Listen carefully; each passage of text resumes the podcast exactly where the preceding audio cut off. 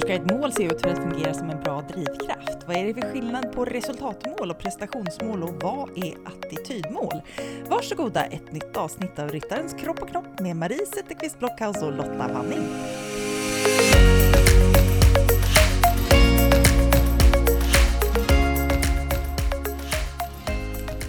Det viktiga är detta, att i varje ögonblick vara redo att offra vad du är för att bli vad du skulle kunna bli. Vad tänker du om det Marie? Ja, men det var intressant. Det handlar ju om att, att se sig själv som man vill att man ska vara Ja, i precis. framtiden. Precis. Mm. Både som person och i sin prestation, Mm. tycker jag. Mm. Eh, och idag ska vi hänga upp oss på prestationen, så vi ska prata om mål Mm. eh, och målsättning. Mm. Ehm, och mål är ju, tycker jag, en drivkraft. Mm. Absolut. Eh, Men vi sa precis när vi satt här och förberedde oss att vi måste komma ihåg att tydliggöra skillnaden på vision och mål. Mm. Eh, För jag, jag har fått lära mig och jag tänker också att visionen, det är drömmen. Ja. Det är liksom den där visionen man har om vad företaget ska bli Ja. eller vad familjen ska bli Ja. eller, eller vad vi ska bli med vår häst. Mm. Vad tänker du runt vision? Nej, men jag tänker också att man ska liksom inte... En vision, det ska ju vara någonting som man är så kittlande så att man nästan inte kan uppnå det. Precis. Och vi har nu satt upp för Riders Position att vi ska bli världsledande när det gäller realtidscoaching av ryttare. Precis. Och det är ju en sån här perfekt vision. Ja, Perfekt vision. ja. och det finns ju det är lite att jobba på för det finns faktiskt, vet du det Lotta, att det finns 90 miljoner ryttare i världen. Så att det är en ganska stor marknad. Nu blev jag helt mållös! Marie tittar på mig. Säg något Lotta. Men jag blev helt så här, tappa hakan. Va, En gång till. 90. 90 miljoner ryttare i världen. Det är ju hur många som helst. Ja. Och är det, hur vet man det, jag på säga? Är det bara de som då man har någon koll på? Jag tänker det måste finnas massor som man inte har koll på. Ja, absolut. Det är någon Ja. slags beräkning. Man har Ja. tittat i olika länder. Hur, alltså bara i England finns det ju flera miljoner ryttare. Ja. Och sen har vi liksom hela Europa, USA och tror Ja. jag, Ja. ja, jag kommer inte ihåg siffrorna exakt, men alltså det är ju enormt många som rider på olika, Ja. olika sätt. Mm. Mm.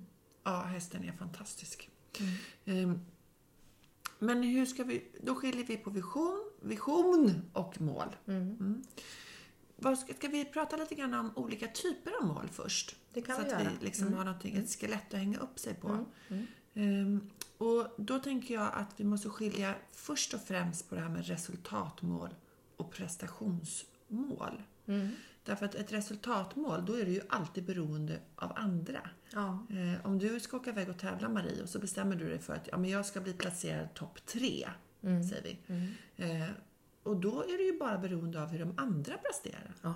Ja, faktiskt. Ja. Eh, Så då kan du ju åka dit och göra en, liksom, du kan ju bli tvåa i klassen, men du kanske har gjort en ganska medioker egen prestation. Mm. Eh, Till skillnad mot om du jobbar med prestationsmål, då jobbar du ju bara utifrån och jämför dig med dig själv. Mm. Det är ju liksom skillnaden på resultat och prestation. Mm. Och då kan man ju också skilja på resultatvinnare och prestationsvinnare. Mm. Att det tycker jag man möter många gånger.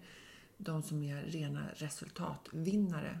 Eh, till skillnad mot då att vi vet att det på sikt är bättre att vara en prestationsvinnare. Mm. Att nöja sig med sin prestation. Jag tänker att det finns ju en massa andra mål också, Mm. som till exempel attitydmål. brukar jag prata om mycket när jag jobbar med undervisning av, eller jobbade med ridlärares utbildning och sådär. Berätta, spännande. Ja, men jag tänker så här att det är ju jätteviktigt. Alltså det är ju faktiskt inte bara det handlar ju inte om bara att bara hjälpa ryttare att rida den perfekta skänkelvikningen eller att eh, rykta hästen så den blir blank. Utan det handlar ju också om att faktiskt förmedla ett förhållningssätt till hästen. Mm. Och till andra människor också. Hur förhåller jag mig till, till eh, andra människor? Hur förhåller jag mig? Hur, hur beter jag mig Mm. eh, mot hästen? Och det är ju sånt här som, det är någon slags, liksom ofta en dold agenda på något sätt som kanske jag kan tycka skulle tydliggöras lite mera. Och där ser man ju också på vet någon ridskola som hade så här att de tänkte hela tiden att de skulle förbereda sina ryttare för att kunna skaffa egen häst eller en Mm. foderhäst eller så här. Så att de hade hela tiden det tänket att de ska lära sig lite grundläggande om foder eller de ska lära sig lite grundläggande om olika bett eller Mm. om eh, ja, en Ja. massa saker när det gäller hästens beteende och sådär. Mm. För att hela tiden förbereda de här ryttarna för att de kanske står där plötsligt med en egen häst eller en foderhäst. Mm. Och då hjälper det ju inte att bara veta hur man rider den där Skänker fina skänkelvikningen. Nej. Men jag lägger också in i attityd precis det som det här citatet som jag läste upp i början. Det viktiga är detta att i varje ögonblick vara redo att offra vad du är för att bli vad du skulle kunna bli. Mm. Och det är Charles Dubois som har sagt att faktiskt förstå att om jag har den här attityden till eh, min ridning i det här sammanhanget. Mm. Eh, att om jag vill bli någonting annat, Mm. om jag vill liksom mot det här målet som jag har Mm. satt upp, Mm. då kanske jag måste offra inom situationstecken den jag är just nu Mm. och våga kliva utanför den här komfortzonen som vi pratade om tidigare. Eh, och ska man koppla ihop det med det här du berättade om den här ridskolan så handlar det också om att de här ridlärarna vågar offra liksom sin kunskap, att förmedla den. Och det är en fantastisk attityd, tycker jag. Att ge tillbaka eh, till sporten för att kunna behålla så många som möjligt så länge som möjligt, som det heter. Eh, Men om man nu har det här målet att man till exempel man vill tävla medelsvårdressyr eller 1,20 hoppning eller någonting sånt där. Hur, hur liksom, hur, hur, vad ska man sätta för tidsperspektiv då? Sådär? Hur, hur tänker man där? Alltså, jag tänker så här att det kan vara en bra... Om man är ovan vid att sätta mål Mm. eh, så kan det vara en bra plan att göra det ett smart mål som man pratar om. Att man då specifikt inte bara säger så här att ah, men jag ska rida bättre så att jag kan rida medelsvår eller hoppa 1,30. Utan specifikt, vad är det jag måste ha? Ja, men, Då kanske det är bytena just det handlar om. Ja, men just bytena måste sitta. Mm. Eh, Då är det väldigt specifikt. Mm. Är det mätbart om de sitter eller inte? Ja, det blir det ju, för det blir ju liksom godkänt eller icke godkänt. Ja. Så det är tydligt mätbart. Två eller åtta? Exakt! Är det liksom attraktivt och accepterat av både mig och min häst? Alltså, har min häst förmågan att lära sig de här bytena? Eh, Ja, det har den. den. Den har det. Och Jag jag, har såg, förmågan. apropå det så såg jag när jag släppte ut min häst Darwin i hagen häromdagen. Då gjorde han en perfekt byteserie bort till de andra hästarna. Ja, du ser. Och jag bara, Mm, tack! tänk om jag hade suttit på. Och så ska det vara realistiskt. Man säger att ett mål ska vara realistiskt. Ehm, vilket då till kanske en vision, om man då kopplar, liksom skiljer på det så. Att en vision är inte alltid är realistisk, Nej. men målet ska vara realistiskt. Och sen tidsbundet. Okej, de här bytena ska realistiskt sett ska de kunna sitta om ett halvår. Eh, och sen har man lagt till på det här smarta mål, det ser ett S till, självbestämmande, som hör ihop med den här STT-teorin som vi pratade om tidigare, i en tidigare podd. Så att ett smart mål, alltså specifikt, mätbart, attraktivt, accepterat, realistiskt, tidsbundet och självbestämt. Eh, och då, om man då skriver att man liksom ska ehm, göra de här bytena inom en månad, ja då kanske då det här tidsmålet måste ändras för det är inte realistiskt så att det hänger liksom ihop. Eh, så. Och sen, kom ihåg att sätta målen ihop med din tränare. Det är ju väldigt märkligt om någon sätter upp mål utan att ha någon som helst kommunikation med sin tränare. Men om man nu tänker på de här smarta målen. Vad, är det, vad är det? Många ryttare når ju inte sina mål. Vad är det av de här grejerna som du har räknat upp nu som man ofta missar på? Jag tror att man missar dels på att, att faktiskt sätta små processmål mot det här prestationsmålet. Det vill säga att om vi nu hänger kvar oss i det här bytet, att det är det vi vill ha, så kanske min häst måste vara mer balanserad. Den måste gå i en bättre vägbalanserad galopp. Då blir ju det ett processmål, alltså som ett delmål för att kunna göra prestationsmålet. Man tänker alltså inte på att lägga upp de här små stegen och vad som, nej, som nej, krävs nej, för att, att nå målet helt enkelt. Ja, Precis. Så att processmålen måste finnas för att liksom komma mot Mm. eh, och uppfylla prestationsmålet. Eh, Jag tänkte på när du Mm. själv rider, har du ett mål med varje ridpass? Ett Ja, tydligt mål?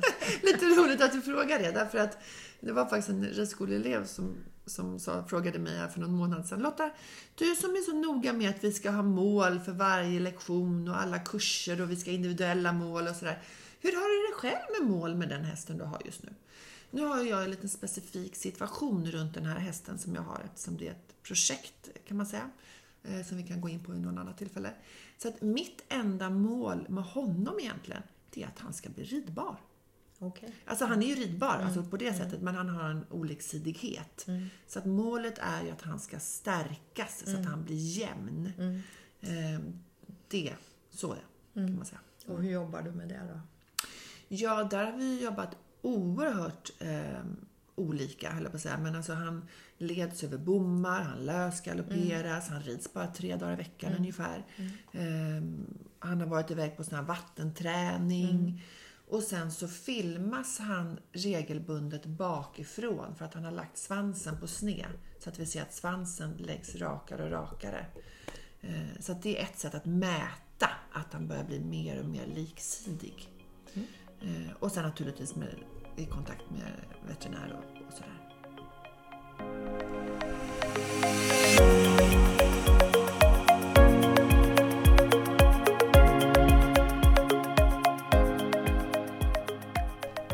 Och jag tänker tillbaka till det här också som du frågar Marie, varför man uppnår inte sina mål. Det är ju väldigt viktigt tror jag att man skriver ner sina mål och att man har dem. Sätt upp dem på liksom skåpdörren, i träningsbagen, någonstans att du ser dem, eller i telefonen, så att man ser dem och kommer ihåg att motiveras att liksom gå mot dem hela tiden. Eh, och då kan man ju liksom göra sin egen målsättningstrappa, någon sorts trappsteg, att man tänker att man högst upp så har man den här visionen, det här jättelångsiktiga drömmålet. Och sen sätter man liksom ett mål om ett år som är kanske också bara lite mer en dröm. Men sen, vad blir liksom ett realistiskt prestationsmål inom ett år? Och sen per månad och sen faktiskt för nästa träningspass. Sätt upp ett mål du vill uppnå under nästa träningspass. Och då tänker jag att eh, jag pratade en dag här med min kompis Agneta Dahlgren, B-tränare i hoppning. Och hon har tränat eller jobbat lite grann ihop med Jos Kamp som är en holländsk tränare som brukar komma hit till Sverige då och då. Och han sa så här att om man försöker varje dag att göra saker 1% bättre än vad jag gjorde igår. Ja. Hela tiden 1%, 1%. Då tar det ungefär tre månader om man tränar varje dag. Nu kanske man, man rider ut och man gör Ja. annat. Så här då. Men alltså det är ju rätt fantastiskt. Om man hela tiden tänker på de här, apropå de här små, små stegen. Det tyckte jag var, så jag har faktiskt tänkt på det nu när jag ridit att ja, men idag ska slutan vara lite bättre än igår. Och då blir det ju lättmotiverat, Ja, tror jag. ja. När stegen inte blir för stora. Mm. Mm, det tror jag är jätteviktigt. Men om man då skiljer nu på de här resultatmålen, då är vi alltid beroende av vad andra presterar. Eh, Och jag tycker inte att man ska skriva så mycket resultatmål utan fokusera istället på prestationsprocessmål och även känslomål som vi kan komma in på Ja, lite senare. Eh, Men, och gör gärna din den här liksom målsättningstrappan där vi skriver ner tydligt drömmål, liksom både långsiktigt, långt bort och lite kortsiktigare drömmål, ett realistiskt prestationsmål, månadsmål och nästa träningspass.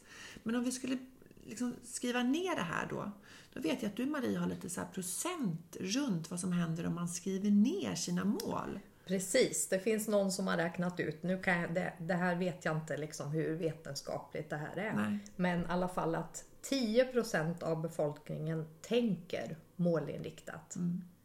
Och, men bara 5% skriver ner sina mål. Och sen har man också räknat ut att 90% av de nedskrivna målen uppnås. Ja. Och vad kan man dra för slutsats av det Lotta? Skriv, skriv, skriv! Skriv, skriv. Ja. Ja. Faktiskt. Eh, Och stämma av. Och sen brukar jag alltid säga att ett mål som inte går att revidera, det är ett skitmål. Man måste kunna Mm. göra om resan på vägen. Man måste kunna ändra på vägen. Annars är det inget bra mål. Vad det än handlar om. Om sin ridning, sin träning, Mm. egen fysträning eller sitt företag eller vad det än är. Man måste kunna revidera det här målet på vägen. Det måste vara levande. ja, de du coachar nu Lotta, det är, vad, vad, hur, gör, hur jobbar du med det här med, Där brukar, med vi, målen där? där brukar vi göra ett önskat läge. Mm. Eh, önskat läge, eh, så. Lite grann tillbaka till det här med drömmålet. Önskat läge.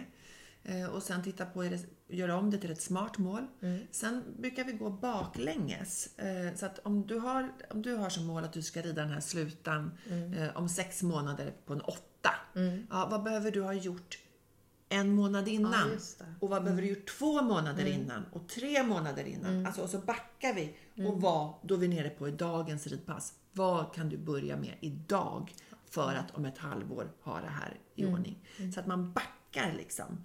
Så att man har nuläge, önskat läge. Men om man skulle koppla det här till ett case, eh, jag tänker jag som då lite sned min sits. Eh, viker mig lätt, för jag har ju skolios i ryggen, viker mig till höger lite grann.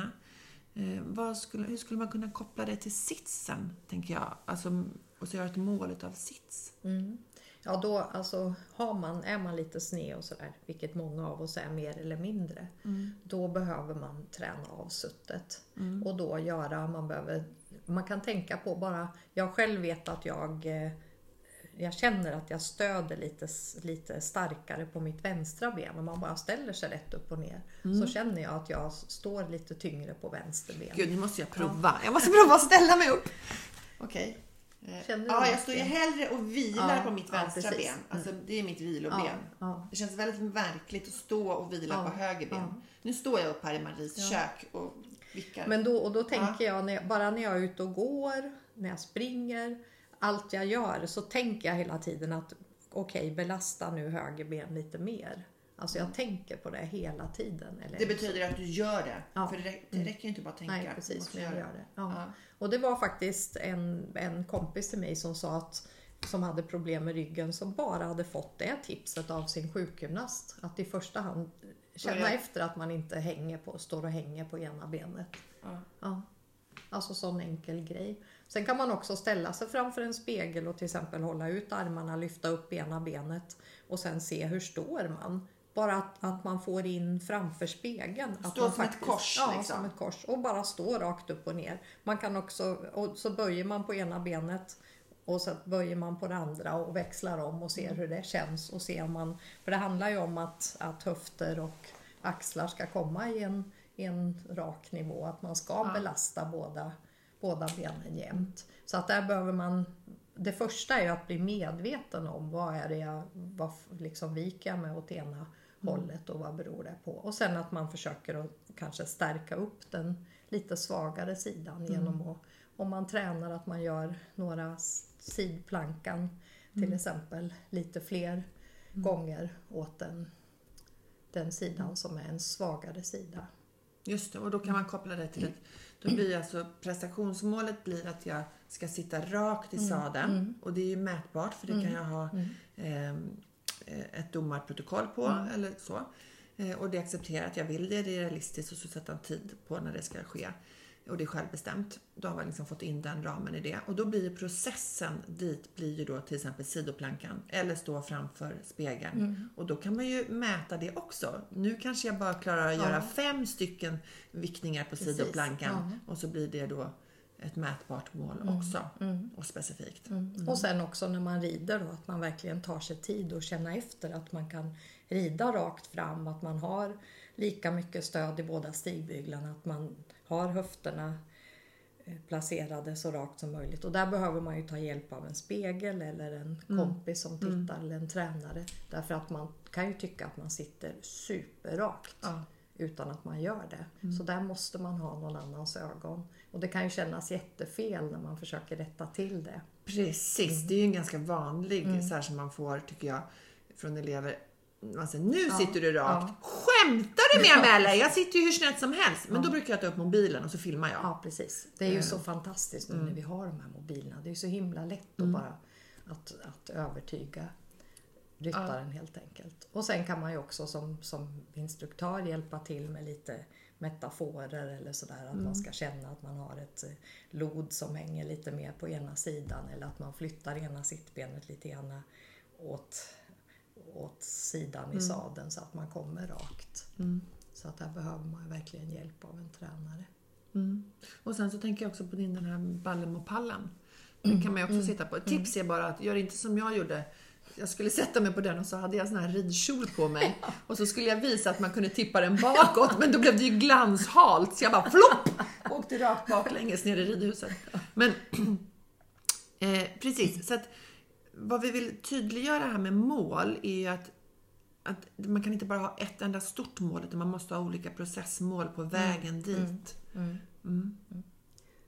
Och man måste också vara lite envis. Försöka att... att Lite? eh, lite ja. Ganska mycket ja, tycker jag. ja. Eh, Och jag tänker också på det här att skriva upp saker och ting när man har tränat. För att jag kan bli sådär också som har hållit på med ridning så länge. Så, så säger någon tränare någonting och så tänker man så här, det här har jag ju hört hundra gånger förut. Tänk att jag inte kan rätta till det här. Men det, man, man tappar bort det på vägen så man behöver ju bli påmind och ibland kan det vara jättebra att, att gå tillbaks. Vad, vad säger du att de ska skriva upp i de här träningsdagböckerna? Då? Det är lite individuellt faktiskt. Det beror ju på vad det handlar om. Det kan ju vara en som behöver skriva ner boostra självförtroendet till exempel. Och en annan behöver skriva ner exakt vad man har gjort för att komma ihåg och så vidare. Så det kan faktiskt vara olika i de här träningsdagböckerna vad man ska fokusera på för att det inte ska bli att det helt plötsligt tar en halvtimme att göra. Ehm, Så att, ja. Sen kan jag tänka att, så här att, att en del människor, en del människor, nej men man själv också ibland, att man kan bli lite så här att, att ja, ja, men det händer, det blir aldrig bättre och så här. Ja. Så lite som vi pratade om förra gången. Och eh, då har jag ett litet citat här, Lotta, som är så här. Some people want it to happen. Some wish it would happen. And others make it happen. Vet du vem som har skrivit det? Nu sa ju du det till mig förut men det har jag redan glömt bort. Michael Jordan. Ja. Mm. Och Just det, har jag hämtat faktiskt ur eh, Karl Hesters bok som Mm. heter precis Making it happen. Och jag har läst både hans bok och Charlotte Chardins Mm. bok. Och eh, båda beskriver så här, alltså hur otroligt lång väg innan det här OS-guldet i, Lo- i London. Hur, alltså hela upplägget. Ja. Det var ju typ fem år innan de, de tog fram den här visionen att vi ska vinna guld i Mm. London. Och sen så hela tiden, steg för steg, Mm. oförtröttligen, så tränade de allt. Mentalt, Mm. fysiskt, sadlar. De la upp hela träningsprogrammet, vilka tävlingar de skulle Mm. åka till. Förutom att Karl Ester skriver väldigt mycket om att han gärna åkte till de ställen som hade bäst ryttarfester. Hoppsan! Han verkar vara en riktig festprissa. Alltså det var så mycket fester i den här boken så man, man, blev, man var tvungen att Ja. ta ett glas vin ibland nästan när man läste det. Ja. Lite omodernt kanske. Men, Ja. men det tror jag också är... Jag som då är uppvuxen med en pappa som har varit elitidrottare. Eh, vilken enorm val man måste göra. Ja. Och hela tiden tänka. Alltså, du vet, när vi skulle åka till landet, som då ligger längst ut i norra skärgården, då kör man bil till Furusund. De åren som pappa också var en väldigt duktig cyklist, då cyklade han till Furusund. Typ 12 mil ifrån där vi bodde. Och jag och mamma och mina syskon, vi åkte bil. Alltså, det här, att verkligen vara dedikerad det man ska göra. Så hela vägen ut. Det går inte bara att säga att jag ska vara tävlingsryttare.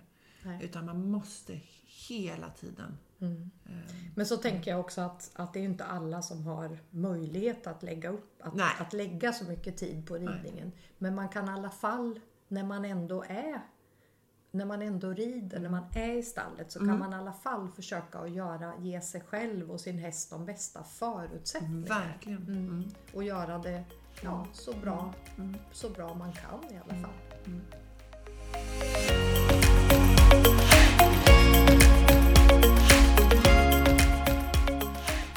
Någonting som man pratar mycket om när man pratar om mål är ju målbilder och visualisering. Eh, Och jag tänker att visualiserar vi någonting, då har vi liksom upplevt det. Så att vi kan liksom leva oss in i det. En målbild kan vara att ja, men det här är min bild av hur jag vill att det ska se ut och så försöker vi liksom härma det så mycket som möjligt. Men om du Marie skulle visualisera en bra sits som du vet att du har haft eh, vid ett tillfälle och den vill du upprepa. För det, det ska vi vara tydliga med att vi vill ju upprepa det som går bra. Liksom. Vi ska ju vattna där det växer. Eh, om du då skulle visualisera när du satt allra det bästa du har gjort i en sluta.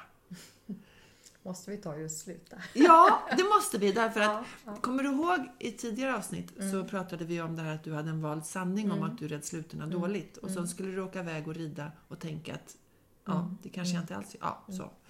Eh, Jo, men jag tänker så här att jag kan fortfarande komma ihåg när jag hade min häst här ute i Skälsta så hade vi, vi kallar det för Trekanten, ett, ett stort fält. ja, Och där brukar jag sitta längs, eh, det var ett, ett, ett ganska långt fält och sen var det ett dike och då kunde man liksom rida längs det där diket Mm. och där kunde jag sitta och rida sluta. Och där kan jag Mm. liksom, jag kan känna det här gunget jag hade i rumpan. Ja. Jag kände ett enormt sug fram i handen Mm. och hur Darwin bara liksom, han bara älskade, vi bara älskade att rida sluta just då. Solen sken, ja, vinden blåste lite, det fläktade lite. ja. Och sen så bara jobbade han på och jag kände det där gunget och han bara sköt på. Gud, blir baken. nästan tårögd. Ja, Ja. ja. Så det kan jag, så det, det försöker jag på något sätt uppnå då. Men sen Mm. måste jag säga också att jag är extremt eh, liksom visualiserings... Ja. Alltså jag, jag drivs av visualiseringar. Och jag kan komma ihåg när, vi, när jag jobbade på Strömsholm så skulle jag ledde jag ett projekt där våra fyra hopplärare då, Sylve Söderstrand, Lotta Björe, Erik Berggren och Lasse Bilock skulle tillsammans enas om en hopplära Strömsholmsmetoden. Sådär ja. Och det var Helena Lundström, heter hon väl, som Mm. skrev själva det där. Men jag skulle hålla i projektet. Och då så, det var ju ganska arbetsamt projekt kan man säga. Det var liksom ett steg fram och två tillbaks ibland. Men då såg jag liksom den här boken, permen, ja. hur den såg ut Och då är vi nästan inne mig. på en målbild. Ja, då hade du en tydlig Mm. målbild av den här boken. Ja, Dit ska vi. Önskat läge. Då är vi på önskat läge, målbild. Det var bara det att det var natur och kultur som gav ut den här boken. Okej. Och de skickade det ena omslaget efter det andra till mig. Och jag tyckte alla var lika fula. Och det blev ett jättefult omslag. Nej. Så varje gång jag ser den där boken, den finns inte längre i publicerad men, eller i, i, i tryck, mer än att jag har något enstaka Ja. ex. Men en jätteful bild. Och jag blir så besviken varje gång jag ser det. Ja. Ja. Så att, men jag kunde inte till slut Där gick inte, det gick, din målbild gick inte ihop med verkligheten Men boken sen. blev klar. Boken blev klar. Precis. Mm. Ja. Och då kan man ju tänka som en, ja, just att ha den där tydliga målbilden. Hur viktigt det är att den får bli rätt. För jag tänker, nu har ju du skrivit massa fler böcker efter det här. Men, men för någon, om det inte blir som man hade tänkt sig Mm. eh, utav olika anledningar, att då kunna skilja på det så att man fortsätter och faktiskt göra en ny bok. Precis. Ah, Så att det inte blir Ja, så här, ja. nej det där blir så jävla fult så jag gör aldrig om det. Nej, nej. Det tänker jag inte göra. Och det är också när man kommer upp i, våran ålder, nu är jag lite äldre än dig Lotta, men då är det också viktigt att tänka att man inte tänker så här att "Nej, men det här har jag försökt förut. Nej precis. Ja, att man fastnar i såna här valda sanningar. Det här har jag förut. Ja. Det är ingen idé. Det är ingen idé. Man är redan bränd. Ja. Utan eh, här gäller det att man, man får helt enkelt glömma bort sina misstag ibland. ja, ibland precis. Lära av precis. dem fast ändå Jag brukar säga älta framgången och analysera misstagen mycket kort. Mm. Mm. Och älta framgången. Mm. Eh, Mm. Okej hörru. Då har vi skilt på de här olika typerna av målen. Vi har pratat lite grann runt ett case runt om man är sned i sitsen, hur man kan jobba med det. Mm. Och hur viktigt det är att skriva ner mål. Ehm, Jag har ju haft förmånen att ha haft Johan Plate som lärare och även fått gjort lite jobb tillsammans med honom. Och han har tre stycken bra frågeställningar som jag ofta har med mig eh, både till eh, individuella samtal och även efter lektioner och sådär för att mina adepter ska lära sig att analysera själva. Och det är, vad hände, vad kände, vad lärde? Jaha. Ja, Jag tycker att det är jättebra frågor. Sen, ja, men vad hände på träningen idag? Vad hände? Ehm, ja, men man gjorde det och man gjorde det och vi gjorde det. Okej, ja. Vad kände du för det? Alltså, Kände du glädje? Var det jobbigt? Var det svårt? Var det utmanande? Sådär. Och vad lärde jag mig? Ja, men jag lärde mig att jag ska göra det här eller det här. Och då kommer vi in på det här med känslomål som eh, Johan också pratar väldigt mycket om att vi ska bestämma oss för, och det är ju inte mätbart. Alltså, jag kan ju inte jämföra mina känslor med dina, utan Nej. det blir väldigt individuellt om jag har uppnått eller inte. Eh, Och vi pratade lite grann här när vi sågs, vad har vi för mål för dagen? och då så berättade jag för Maria att mitt mål idag är att äntligen få komma iväg och ta det där kvällstoppet. För att jag har inte gjort det ännu i år. Och jag är ganska tidig i vattnet i vanliga fall, men jag har inte gjort det ännu. Men jag har som ett mål att få ta ett kvällstopp. Eh, och det är verkligen en känsla som jag vill ha när jag får dyka ner i vattnet. En sån här enorm känsla och som jag känner efteråt. Det finns liksom en friskuskänsla eh, som, som jag kan känna. Eh, men sen kan man göra känslomål i sin ridning. Jag ska vara mer avspänd eller jag ska vara mer taggad eller när jag sitter av vill jag känna mig nöjd. Eh, så det kan man koppla till de här tre olika. Vad hände, vad kände, vad lärde? Vad har du för mål för dagen? Jag ska faktiskt lyssna på ett sånt här, eh, vad heter det, ihåg. Webbinarie? Webbinar ikväll som är från London. Det är Kentaur Biomechanics som har en klinik i London helt enkelt. Så man kunde köpa in sig på och titta. Och jag som är så himla nyfiken. Jag har ju fullt sjå att hinna med allting. Alltså det, alltså det erbjuds så mycket Ja. på nätet. Ja. Och man vill ju verkligen, nu är det så fint väder och allt men alltså det här är ikväll så då kan jag sitta inne. Och häromdagen så lyssnade jag också på Kai Pollak som är en av, vi har ju varit och lyssnat på honom då. Och han pratar ju jättemycket om det här med hur man kan med tillstånd som vi också har pratat med, hur man kan, kan lära sig tekniken på något sätt eller att, att eh, vända ett trist tillstånd när man känner sig sur och och man deppar över... Vi har också en, en ja. konferens, jag skulle åkt på en konferens nästa vecka. Presenterat min avhandling en halvtimme, en internationell konferens. Den blev inställd men då får man tänka att yes, jag kan lyssna på ett webbinar istället. Ja. Att man får se liksom ändå möjligheterna med, med den här tiden och göra det bästa av det helt enkelt. Apropå Kai Pollak där, så han brukar ju prata om att när man möter människor som man känner att det är lite jobbigt, man kanske inte riktigt lirar sådär helt klart. Efter vi hade lyssnat på honom, då satte jag faktiskt upp som mål att jag minst en gång om dagen eh, skulle utmana mig själv i att söka upp någonting med en person som jag kände att här har jag lite utmaning att jobba tillsammans med den här personen eller prata med den här personen eller så.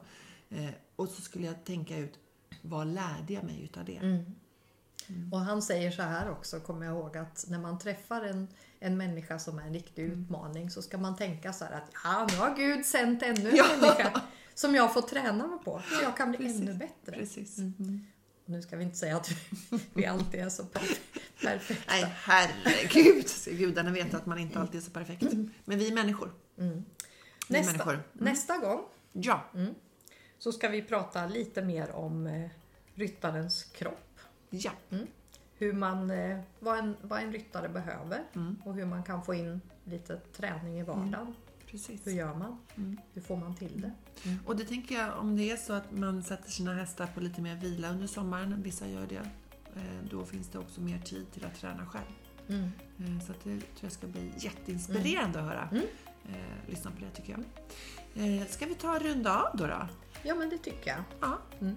Då tar vi och springer ut i solen. Ja. Tar tag i det vi ska. Och jag, önskar att jag alla kommer en, ner en, dopp. en, härlig, eh, en härlig dag. Ja, det gör. Ha det så gott. Hej hej! Hej!